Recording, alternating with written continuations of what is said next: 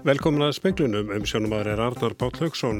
Laurugla rannsakar umfangsmikið fíknefnamála, kon og karl er í gæsluvarhaldi grunuð með influtning á þremur kílóum af kokaini og peningaþvætti.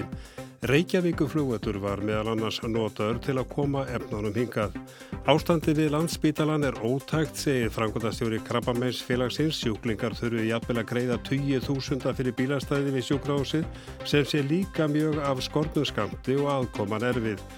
Gera á máls með fyrir nálgunabans einfaldari og skilvirkari samkvæmt frumvarfum breytingar á lögum þess efnis, allserjar og metamálend alþengi sem er samþygt frumvarfið. Til greina kemur að ráðast í enn frekar í sértækar aðgeri til að breyðast við slemri byggðarþróni Grímsei og Hrísei. Í skýslu um skattkerfisbreytingar sem eblinga létt gera er varpað fram hugmyndum um sérstakt skattrepa og ofurteikjur sem næmu fjórföldum meðalteikjum launamanna. Eiglu Harðardóttir fyrirverandi húsnæðismálar á þeirra ákvaða hlusta ekki á þá sem sögðinni að það væri líðin tíð að byggja sjálfur á Íslandi. Torþækið á Bustabæi hennar verður klárað í sumar.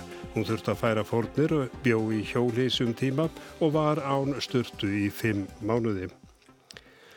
Lauröglan á höfuborgarsvæðinu og á Suðunisum ansakar umfangsmikið fíknefnumál sem nær allt aftur til ásins 2017. Tvö kona og karl siti í gæsluvarhaldi vegna rannsóknar á innflutningi á um þremur kílóum af kokaini og á peningaþvætti. Rannsóku eru sjö tilvig í fyrra og hitti fyrra þar sem kokain var flutt til Íslands með farþegaflögi um Keflavíkur og Reykjavíkurflugvöld auk innflutnings með postsendingum.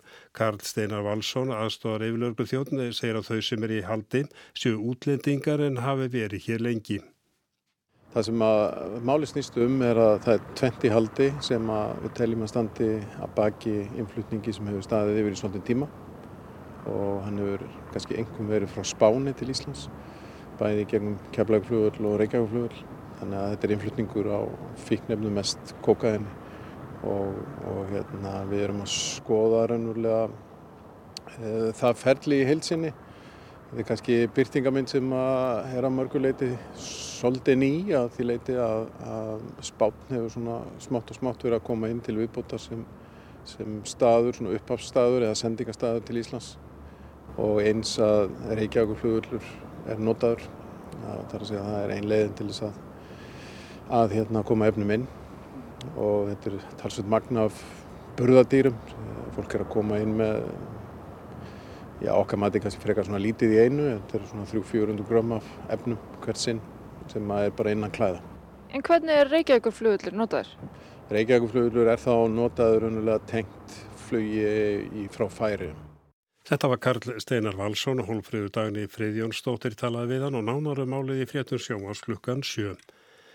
Framkvæmdur við landsbítalan valda bæði röskun og óþægindum og morgun bætir í þegar gömlu ringbraut verður lokaða hluta. Halla Þorvaldstóttir, framkvæmdastjóri Krabbamenns félagsins, segir að ábendingum frá Krabbamenns sjúklingum um óviðanandi aðkomu hafi fjölgað á framkvæmdantímanum, staðan sem mjög íþykjandi fyrir sjúklinga og aðstandendur. Að þá er náttúrulega algjört káos hér í hérna aksturs og bílastæðamálum. Það sem hefur verið rætt bæði af krafninsfélaginu og aðildafélagin krafninsfélagsins við spítalan er eh, kannski fyrst og fremst það sem lítur á gjaldskildinni.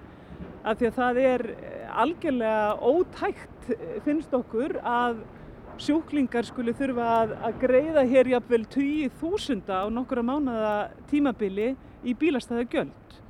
Uh, spítalinn hefur raun og veru tekið algjörlega undir það vandamál með okkur en úrlausnin er ekki til staðar og, og boltin verist fara einhvern veginn frá einum aðila til annars frá spítalannum til bílastöðasjóðs og svo framvegis og svo framvegis án þess að úrlaust finnist. Saði Halla Þorvarsdóttir og við fáum að sjá ástandi á bílastöðum landsspítalans í sjónvarfréttum klukkan 7. Gengi brefaði Maril hækkaðum 6,8% í leiðilega 30 miljardar krónar viðskiptum í kaupöld Íslands í dag. Ás uppgjöru Marils var byrt í gær þar kemur fram að hagnaður félagsins á síðasta ári samsvari réttæflega 16,8 miljardum íslenskar króna en var 13,3 miljardar árið undan. Hagnaður á fjörða ásfjörðungi síðasta rekstrar ás en að um 5,2 miljónu króna og jógstum 12% milli ára. Hildarverðmætti félagsins hækkaðum 18 miljardar í dag og namum með 287 miljardun króna eftir lókun markaðan. Og gerverðu tillaga á aðalfundi landsbánkansum að greitu verði út 9,9 miljardar króna arður til hlutafa vegna rekstrar ásins í fyrra. Þetta kemur fram í ásuppgjöri bankans sem byrt var eftir lokun markaða í dag. Ríkisjóður á 98,2%, bankin á sjálfur 1,56% hlutafjár og aðri hlutafar eiga samtans 0,24%. Í uppgjörunni kemur fram að hagnaða bankans á síðasta ári namn 19,3 miljónum króna eftir skatta samanborið við 19,8 miljardar króna árið á undan. Þar sem eigin fjár var 8,2% sem er því sama á árið á undan. Frumvarpum breytingar á lögum um nálgunabann hefur verið samþygt í allserir og mentamálanemnd alþingis með breytingunum á að gera máls meðferð nálgunabanns einfaldari og skilvirkari. Flutningsmöðu frumvarsins segir dæmum að setja að veri strángari skilirði við beitingu nálgunabanns en lög hveð áum og að brínt sé að bætur því með skýrari lögum. Áslög Arna Sigurbjörnsdóttir Þingmaður sjálfstæðisflokks lagði frumvarfi fram í haust. Hún segir að eldri lög virki en að framkvæmd þeirra sé þungi vöfum. Samkvæmt lögunum að þá getur fengið nálgunabann ef það er röskun og friði en e, það hefur reynst talsvært hún og oft skilgreynd aðeins þrengra e, í dómaframkvæm. Þannig að ég vona með þessu sé að verða greina á milli þessara úrræða sem eru í þessu lögum, að það eru nálgunabann og hins vegar um brottvísun á heimili. Með breytingunum á einninga skilgreina betur hvað fælst í vægari úrraðum sem hægt er að beita áður en gripið þetta nálgunabans. Verði frumvartið að lögum getur lauruglustjóri ákveði nálgunabann án aðkomu hérastóms ef sakbortningur samþykir. Ákvarðanur um brottvísun af heimili fari áfram fyrir hérastóm. Áslög Arna segir mikilvægt að endur skoða næstunni refsingar við brotum á nálgunabanni. Þeir verðast vera ansi vægar þegar brotið er ítrekka gegn nálgunabanni til dæms og ég held að það sé ykkur að breytingar sem þurfa að skoða í kjölfarið ásamt mögulega ákvæði í hefningalög um umsátur einelti sem vantar í okkar lög. Þetta var áslög Arna Sigurbjörnstóttir, Dagni Hulda Erlendstóttir tók saman. Mikið álag hefur verið á lauruglunni á höfuborgarsvæðinu eftir háti í dag. Áskil Þóra Áskilsson yfirlörgu þjóttni segir að kalla við þurft til lauruglumenn sem starfi almennt ekki við almenna löggjæslu. Á fjóraðtímónu barst tilkynningum vegfaranda í ójapvægi á gungubrúni á miklubraut móts við kringluna. Maðurinn hekk utan á brúni og óttast var að hann færi sér að voða. Í tilkynningu frá lauruglu segir að bröðust hafi verið skjótt við og því afstýrta illa færi og manninu komið í viðegandi hendur. Eilítil röskun varð á umfyrð því loka varð fyrir hana í stuttaða stund meðan á aðgerðum á vettfangi stóð. Til greina kemur að ráðast í enn frekar í sértækar aðgerði til að bregðast við slæmri byggðaþróun í Grímsei og í Hrísei. Fórseti bæjastjórnar á Akureyri segir það þó flókið að þeir íbúa sveitafélagsins sem þar búa fái einir að njóta slíkra ívilnana. Nýlokið er fundum í Grímsæg og Hrísæg þar sem farið var yfir stöðu og árangur verkefnisins um brotættar byggðir. Mart hefur breyst til batnaðar sem aukið hefur lífsgæði íbúana en ekki hefur tekist að laða nýtt fólk til eigana og stöðva þar með viðvarandi fólksvækkun. Hrísæg og Grímsæg eru hlutið akkurera bæjar og Hallabjörg Reynistóttir fósetti bæjarstjórnar segir að nú sé spurt hvort hægt sé að gera eitthvað meira og það er það sem við erum að skoða og, og það kom hann upp ýmsar hugmyndir um að sveitafélagi mögulega geti gefið afslátt á gatningargjöldum, leikskólagjöldum og svo framsegja því, því sem að snýra sveitafélaginu og það er bara eitthvað sem við erum tilbúin að skoða. Svo veit náttúrulega enginn hvort að það myndi duða til til þess að, að ég lokka fólk til búsitu. En slíkar aðgerið þurfum við að skoða vel, hvort þarna verði ekki að geta jafnræðis og hvort að standist lög að íbúar þessara byggðalaga í sveitafélaginu fái umbun sem öðrum bjóðist ekki. En í mínum huga er náttúrulega búið að skilgreina þessi byggðalög sem brotækta byggðir og ég veldi fyrir mér aðeins svona, þú veist, á þeim forsendum er þá hægt að, að ívila því fólki sem þar býr umfram aðra, tímabundið að minnstokkasti. Þetta var Halla Björg Reynistóttir og Ágúst Ólafsson talaði við hana.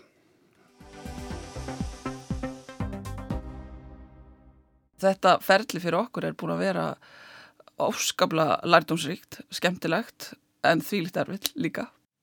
Þetta segir Eigló Harðardóttir fyrir um húsnæðismálar á þeirra og nú verkefnastýra nýs áfangaheimilis Kvennaatvarsins og matreðslunemi. Hún ákvaða að hlusta ekki á þá sem sögðinni að það væri liðin tíð að það væri hægt að byggja sjálfur á Íslandi. Hún og maðurinn hennar sem er framhaldsskólakennari keftu lóði í Mósfellsbæi árið 2016 og tóku fyrstu skóplustunguna að rúmlega 150 fermetra íslenskum burstabæ árið 2017. Torfþækið verður klárað í sumar. Þau gerðu margt sjálf og færðu ymsar fórnir, byggum tími í hjólhísa á lóðinni og voru án sturtu í fimm mánuði. Við ákomum að prófa Eh, fundu lóð í Mósusbænum það var mest úrval þar. Eh, það voru hann allan tvör svona svo kallur hraunkverfi og við keiftum sérst lóð í leirústungunni og, eh, og ég held nú sannlega þá að þetta myndi nú bara ganga til dæla hratt fyrir sig. Það þurfti ekki að fara í að neina deliskiplasbreytingu eða eitt eða neitt en, en það tók sérst síðan nýju mánuði í framhaldinu því að, að hanna húsið ég sjálf var mjög mikið að vannmeta alla þá vinnu sem, sem hana líkur á bakvið hvað þetta var þar. Ég held að vera á endan á hvort það voru, sérst, það er einhverja 60 tekníkar sem var, var að skila inn og, og ég veit ekki hvort það sé búið að breyta því en það var allan að var þannig að þetta þurfti að skila öllin á pappir og það þurfti að vera að skrifa undir sérst af hönniðanum með ákveðin tegund og bleki. Í aðdraðanda framkvæmdana settust Eigló og eiginmaðurinn á skólabekk tóku nokkra kursa í húsasmíði. Hún mæli líka eindreiði með YouTube. Það er að finna nánast allt þar varðandi leifinningar um það hvernig, hvernig maður á að byggja sjálfur. Þau gerðu margt sjálf undir handleðslu sérfræðinga. Eikló segir þó að núverandi lagaumhverfi stiði ekki endilega fólktæki málin í einn hendur. Þau hafi þannig reynt svolítið á þolrif byggingastjórans og yðmestarana sem bera ábyrð á því að allt sé vel úr gardi gert. Frændur okkar og frængur í nákvæmna löndum með að gera meira sjálf. Hafsteinn Pálsson, verkfræðingur í umhverfisaðanetinu, segir í samtali við speilin að hér sé meiri mistara skilda en í sumum Norðurlandana. Jón Guðmundsson, sviðstjóri hjá mannverkistofnun, segir að það sé annað stjórnkerfi sem ekki sé alveg sambærlagt í íslenska. Það þurfa að varast að bera saman eppli og appelsínus. Ekki sé gerð krafa um að laugiltur hönnuður teikni húsið eða að fagmenn koma byggingu þess en samt séu gerðar kröfur til húsnæðisins og óreint fólk sem hyggst smíða sér hús gæti þurft að greiða meira fyrir tryggingar en fólk sem lætur fagmennum verkið. Eigló segir að útivinnan hafi stundum getið af sér margra daga harsperur og skorpur reynd á andlega þegar við vorum sérst, að leggja loka hönd á, á steipumótin fyrir sökkulinn þá vorum við að vinna alveg að sérst, til kl. fjóru nóttina því að steipubílun átt að koma þann eitthvað tíðan um átta strax um morgunin við vorum fremst í rauðinni sem við að tala um og húsasmeðmistar nokkað var búin að tala um að koma síðan aðstóð okkur sérst, við, við það að setja steipuna í mótin og uh, við sáum fram á það hann um fjóru að við mynd, værum ekki að klára þetta alveg úrvinda fórum heim, gretum nán og smá og lögðum okkur í klukkutíma. Með vorum að býða eftir því að hann myndi vera vaknaður og ringdum ég hann og sögðum þessi ósköp að, að við værum ekki búin að klára og hann svona var róað okkur, slakið þess á, hérna sofið í klukkutími viðbót uh, bara fáið að fara aftast í rauðina þannig að steifbílunum kom einhvern tíðan um fimmleitum daginn og svo bara haldið áfram og það var mitt akkurat þegar þeir voru sérst að renni í hlaðið þá voru við sérst að nekla síðan neklana í mótin og, og það sprakka ekkert sem var sérst meira áttar áfengi og virkilega skemmtilegt. Hún segir samfélagi hafa brist og hugsanlega hafi margir mist trúna á að þeir geti byggt sjálfur. Fleira tók á við framkvæmdinnar. Ímsar þeim hugmyndir sem við vorum með, uh, sérst reyndustrunar ekki vera mögulegar uh, varðandi byggingun á húsinu. Til dæmis að, að eitt af því sem við höfum við gætna vilja gera var svona svipa eins og var gert í smá íbúðakörunu það sem átti sérst byrja á því að byggja 50 fermetra og svo hafður við möguleika því að stækka við þig sen í framhaldun og gera þetta í áfengum uh, en sangvað deilskipulaðinu í hann okkar hverfi að þá var ekki heimilt sérst að það vast að byggja 150 fermetra uh, einbilsús að lámarki Þarna eimi eftir af 2007 hugsunarhætti. Allt eigi að vera svo stórt og flott og endanum eigi stór hluti þjóðarinnar ekki efna á að byggja Eikló segir að fjármögnun geti verið ákveðin þröskuldur. Bankin ger ekki ráð fyrir því að byggt sig áfengum á lungu tímabili.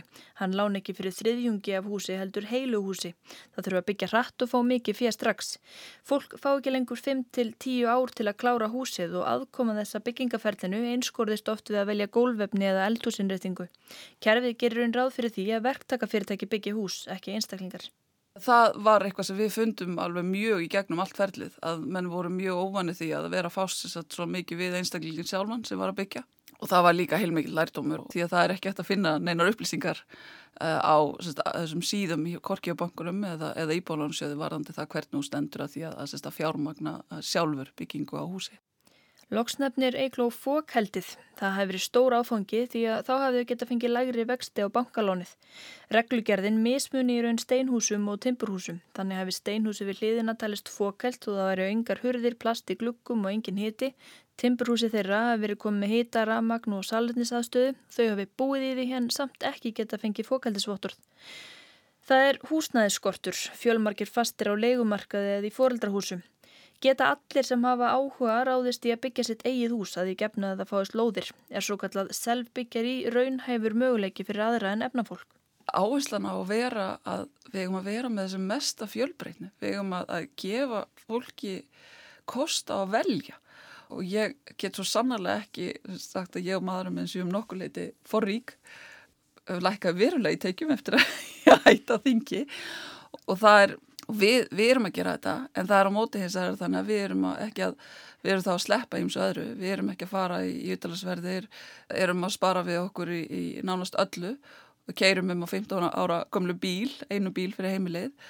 Þannig að, að við erum bara forgarsrað í, í þáu þess að, að klára að byggja þetta hús því að þetta er ákveðin draumur. Það held ég að sé líka eitt af þessum sem var svona, hefur séð til þess í þessar umfjöllun hjá þér að, að þar er fólk sem sagt að forna einhver, það er að velja ákveðna hluti og það, það gefur manni gleði en nú leiðis þess að þetta ertu þá að velja í burt eitthvað annað. Uh, ef þú velur lítið smáhísi þá er þannig að þú ert að velja í burtu þá rýmið en á móti ertu þá með meira, kannski meira fjáraslegt frelsi. Ef þú býrið í skútu, getur farið í heimsreysu en, en á ný þá ertu með minna, minna plás við erum síðan að velja sérst að gera þetta með þessum hætti innan þess ramma laga sem eru til staðar hér. Við segjum stundum að við sjáum svona fimm ára plani. Það þýtti það að þegar við lóksins fluttum út úr þeirri íbúð sem við vorum að leia við vorum í hjólísi fyrir utan húsið okkar hérna í, í nokkra vikur. Það voru fimm uh, mánuður sem við nýttum styrtuna í, í sundleginni í næsta nákvæmni eins og fleiri nákvæmni okkar hafa gert að því að við vorum ekki búin að ganga frá styrtu og það var bara mjög nótelt að mæta bara hverju mótni í sund og, og fara í styrtu þar, indiselt starfsfólk líka sem var þar í, í lauginni. Og, uh, og við eru síðan nefnt að, að gera þetta kannski með sambarlega hætti eins og ég sá eitt sem þú varst að tala við sem saði veist, að, að hans var ástafar 50 skalli á mánuði í það að, að hvað get ég keift núna? Þannig að við erum sérst ok, hvað fáum marga gifsplötur fyrir þennan, fyrir þennan 50 skall? Og við höfum þá móti kannski ekki tíma til að gera ímislegt annað veist, að sleppa því að fara út að borða veist, við fyrir mjög sjaldan í bí og ímislegt vegna þess að þetta er það sem, sem við erum að velja að gera, gera í dag en telur hún hægt að breyta reglum á þess að fórna gæðum öryggi og réttindum fallara. Eigló vill að fólk geti verið sinn eigin byggingastjóri og teki fulla ábyrð á húsbyggingunni. Já, ég myndi mjög gætna vilja sjá að, að, að, að nú er búið að færa mannverkjastofnun þá sérst undir hérna, uh, fjölsmálrandið að menn myndi þá kíkja aftur á byggingareglugerna hvort að það væri hægt að setja eins að sérkabla sem snýrsist af svo kvöldur svona selvbyggir í að byggja sjálfur Ég myndi vilja sjá það að til dags á vefsíðu Íbólónusjóðs og bankana það myndi koma fram upplýsingar um hvernig þú ætti að fjármagna húsnaði þegar þú ætti að byggja sjálfur. Að við sæjum í auknum aðlega líka bara leiðbynningar um það hvernig ferlið er um, um hvernig þú byggir hús og ég vil bara eindriði hvetja þá sem eru sem að taka ákvæmum hvort sem er sveitastjórnstíginu eða, eða hjá hennu ríkinu eða innan þeirra sem eru að fjármagna að vera svolítið opnari veist, að, að, að segja bara veist, að það er engin ein lausn sem virkar fyrir alla engin ein almenn húsnæðslausn heldur að, að gefa fólki frelsi og, og, og það fælst náttúrulega bara mjög mikil hamingja í því að fá og velja. En hvernig kemur þú út kostnæðilega að byggja sitt eigið? Er það ódýrara en að kaupa? Eikló segir það eiga eftir að koma í ljós við erum allan svo sannar að sé það að ef og þegar við gerum þetta í annarsinn þá munum við geta fundið hafkomari leiður og, mun, og þetta mun kosta minna. Þannig að, að eitt af því sem við höfum lært til þess að við ætlum að vera með aðeins færi horn á húsun okkar því að hvert horn kostar. Og þetta var húsbyggjandin Eiglu Harðardóttir og fyrirverandi ráð þeirra Arnildur Haldunadóttir talaði við hana Í skattatillugum sem ebling stjættarfélag létt vinna er lagt til að teki verið upp sérstakt ofur skattrepp sem leðist á til dæmis fjórfaldar meðaltekjur launamanna. Annar höfundur tillagnana segir að þessari tillugu sé varpa fram til skoðunar þar sem slíkur skattur hafi verið rættur hafi verið hugmyndur um 70-80% skatt. Samgjörn dreifing skattbyrðar, hvernig leirita má stóru skatta tilfærsluna án þess að veikja velferðarkerfið er yfirskriftin á skýslu sem indriði Há Þorlásson, fyrirverandi ríkiskastjóri og Stefán Ólásson félagsfræðingur og starfsmaður eblingar gerðu fyrir eblingum. Með stóru skatta tilfæslunni eiga höfundar við að frá árunnu 1993 hafi orðið mikili tilfæsla á tekjuskatti, lægstu tekjuhópanum í óhag. Skattbyrinn hafi þingst talsvert meðal þeirra sem er með lægstu tekjunur og reyndar alveg upp í áttundu tekju tíunduna.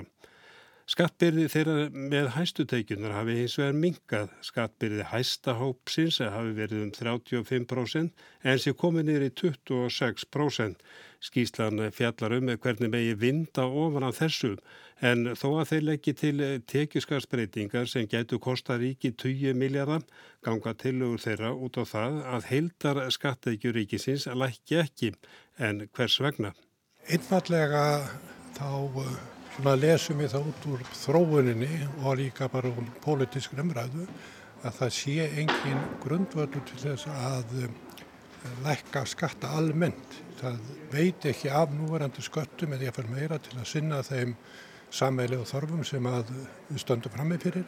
Við sjáum umtalum nöðsin á meira fyrir helbriðiskerfið, í mentakerfið, í samgöngumálinu sínast með sérstakri tekjöflum Þannig að í okkar huga er það já bara út úr kortinu að tala um lækkun á skatteikjum almennt. Tillögurnar byggjast á því að breyta því hvernig skattbyrðin, ekki aðeins í tekiskattinu meldur í, í heil, lendir á, hvað maður segja, þeim bökum sem eiga að standa undir, hvað maður segja, samverðum útgjöldum. Segir Indrið Há Þorlarsson, auk þess sem lagt er til að tekiskaskerfinu verði breytt, eru laða fram tilur um hækkun skatt og álagningu nýra skatta. Lagt er til að fjármarstekjuskattur verði hækkar og sömulegist tekjuskattur fyrirtækja, bendir á að skattur á fjármarstekjur sé lægri en annar staðar á Norðalöndunum og í öðrum samanböralöndum. Í Danmörku er hann til dæmis 42%. Þá er einnig lagt til að tekjuskattur fyrirtækja verði hækkaður. Skattlutfallið miðist við fjörða skattreipið sem lagt er á að verði tekið upp. Þeir vilja að tekið verði upp stóregnarskattur sem lagður verði á út frá ákveðnu frítekjumarki. Skatthlutfallið gæti verið 1 til 1,5%. Með þessu væri verið að endurveikja auðlega skattin sem var lagður á hér 2010 til 12.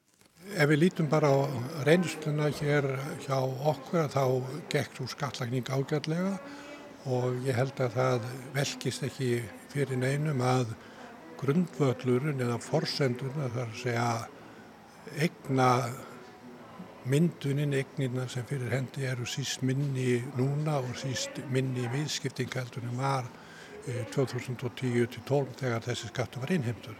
Hann gaf á sínum tíma eitthvað um 12 miljardar og með hóflegri og lægri kannski skattlutnum þá var væri auðvelt að ná inn verulegum tekjum og auka þar með líka sangirnir í skattlagningunni og já, ef vel til tekst líka að andæfa svo litir þessari samtjöpun auðafa á fáar hendur. Þeir sem eru sjálfstætt starfandi reiknar sér laun og greiða skatta þeim. Þeir sem sísla með peninga, oft kallaðir fjárfestar eða aðtamnamenn, sleppa undan tekjuskatti, geta skráða lágar tekjur og sloppi við skatt. Lagti til að tekjur þessara manna verði skattlaðar. Sko það sem lítur að sjálfstæðstarfandumönnum er fyrst og fremst það að taka inn í núverandi kerfi, hvað maður segja, fjármála starfsemi. Staðrindin í dag að þá er allt sem að lítur að því að meðhandla eigin fjármunni utan þess kerfis og þeir aðilar sem að ekki eru skilgrendir sem einhvers konar uh, sjálfstætt starfandi þar að segja innamenn eða læknar eða eitthvað þess áttar þeir njóta sér stöðu núna og þurfi ekki að telja sér neinar launatekur. Það var lagt til að innheimt verði sangjörn auðlindagjöld sem verði lögð á allar atvinnugreinar sem nýta sameigilegar auðlindir þjóðarinnar þá verði skatta eftirlit aukið. Skýsluhöfundar setja fram nokkrar sviðsmyndir um fjögur að þrepa skattkerfi sem er í samræmi við þær skattatilur sem ASI hefur lagt fram. Reyndar er einni lagt til að teki verið upp fymta þrepið sem er sérstakt skattþrep á ofur tekjur. Það geti til dæmis að lagst á tekju sem er að fjórföldum meðaltekjum launþega. Já, við vörpum því fram og það er kannski ekki fyrst og fremst í tekuöflunarsjónamiði heldur til þess að bregðast við þeirri komsi umræðu og kröfi í þjóðfélaginu að þeir sem að hvað hún segir er þeirri aðstöð að geta skamta sér tekjur sem að eru taldar óhóflega miklar og, og valda svona óróa að þeir að hvað hún segja ríkisvaldi valmengu síni svona ákveðin viðbröði því og skatleggi þetta eins og víða reynda þekkist erleðis. Hvað eru við þá að tala um uh, hátt skattrip í prósett? Við erum ekki með neina beina til og varðandi það en í svona rétt til þess að, að draga svona upp hvað er í umræðu þá hefur verið nefnt til dæmis í bandaríkunni þar að hugsanett sé að fara alveg upp í 70-80% skatt en við erum ekki með neinar tillögur í, í því efni en verpum þessu fram svona til, til skoðunar. Í fjóra þrepakerfinu er gert ráð fyrir að lægsta þrepið verði 32,5% eða upp að 350.000 krónar tekjum. Annað þreppið er í 39% frá 350.000 upp í 750.000. Það þriðja er í 47% frá 750.000 krónum í 1150.000 og loks það fjórða 55% sem leiðist á tekjur yfir 1150.000 krónum á mánuði. Í einni sviðsmyndni er miða við að skattleysismörk er þau 200.000 krónur og persónafsláttur er því 65.000 krónur á mánuði. Slíkt kerfið myndi minka tekjur ríkisins af tekjuskattu með 28 til 30 miljardar. 90% launagreðenda eða launamenn með tekjur undir 900.000 krónum myndu greiða lægri skatta en nú og mest því lækunin á lægstu tekjurnar. Stefán Ólarsson segir að þetta séu raunhafar tilugur. Hann bendir á að ríki hafi sparað sér um 25-30 miljardar frá árinu 2013 vegna samdráttar í bæði barnabótum og vakstabótum. Við bendum á leið til þess að fjármagna þessa 28-30 miljardar sem er bara liggur beint við og er eins einföld og nokkuð getur verið. Ríkið hefur þegar eirnamert og sett til liðar 14 miljardar til skattalækunar Eh, það dugir ekki ef við þurfum að fara upp í 28-30 miljardar eh, en þá er staðan þannig að við erum með 29 miljardar afgang á fjárlögum í ár. Eh, það má taka þar 16 miljardar til viðbótar við þessa 14 og þá erum við komið með 30 miljardar sem er það sem að þarf til þess að fjármagna þessa tilfæslu á skattbyrðinni sem við erum að benda á í, í okkar fyrstu tilögu. Eh, þannig að þetta getur ekki verið einfaldara í framkvæmd eh, heldur en þetta, þannig að leiðin og verkværin eru bara við hendina. Ef að menn vilja hafa meiri metnað og uh, gera þessa skattatilfæslu stærri þannig að látekjuhóparnir fái uh, allt upp í 29.000 krónur erum við með í ítrustu tillögum í skattalækkun á mánuði að þá þurfa menn að grípa til þess að hækka fjármagstekjuskatt og eh, það myndi fjármagna það sem ávandar að mestu leiti. Þar fyrir utan eru ítalegu kapli í skýslunni um alls konar umbóta tillögur sem að bæði bæta skilvirkni í kerfinu og auka tekjur ríkisins, eh, svo sem eins og að draga úr skattaundanskotum og, og draga úr óeðlulegum undanþáum og óreglu sem að tengist oft meðferð eigna og fjármakstekna. Þannig að margar leiðir færar sem að fel ekki í sín neitt sálsöka eh, nema fyrir þá fáu sem að eh, hafa búið við óeðluleg fríðindi til þessa. Þetta var Stefán Ólarsson og líka var talaði Indriða Háð Þólarsson. En það var allra helst í speklinum að lögregla rannsakar umfangsmikið fíknefnamál, kona og karl eru gæstuvarhaldi, grunuðum einflutning af þremur kílóum af kokaini og peningaþvætti. Reykjavíkuflugvöllur var meðal annars notað til að koma efnanum hinga til lands. Ástandi við landsbítalar er ótækt, segir frangotastjóri Krabbameis félagsins. Sjúklingar þurfi jafnvel að greiða 20.000 fyrir bílarstæði við sjúkrahúsið sem sé líka mjög á skortum skamti og aðkoman erfið. En það er ekki fleira í speiklunum við kvöld. Tækmar var marka eldrið, verið sæl.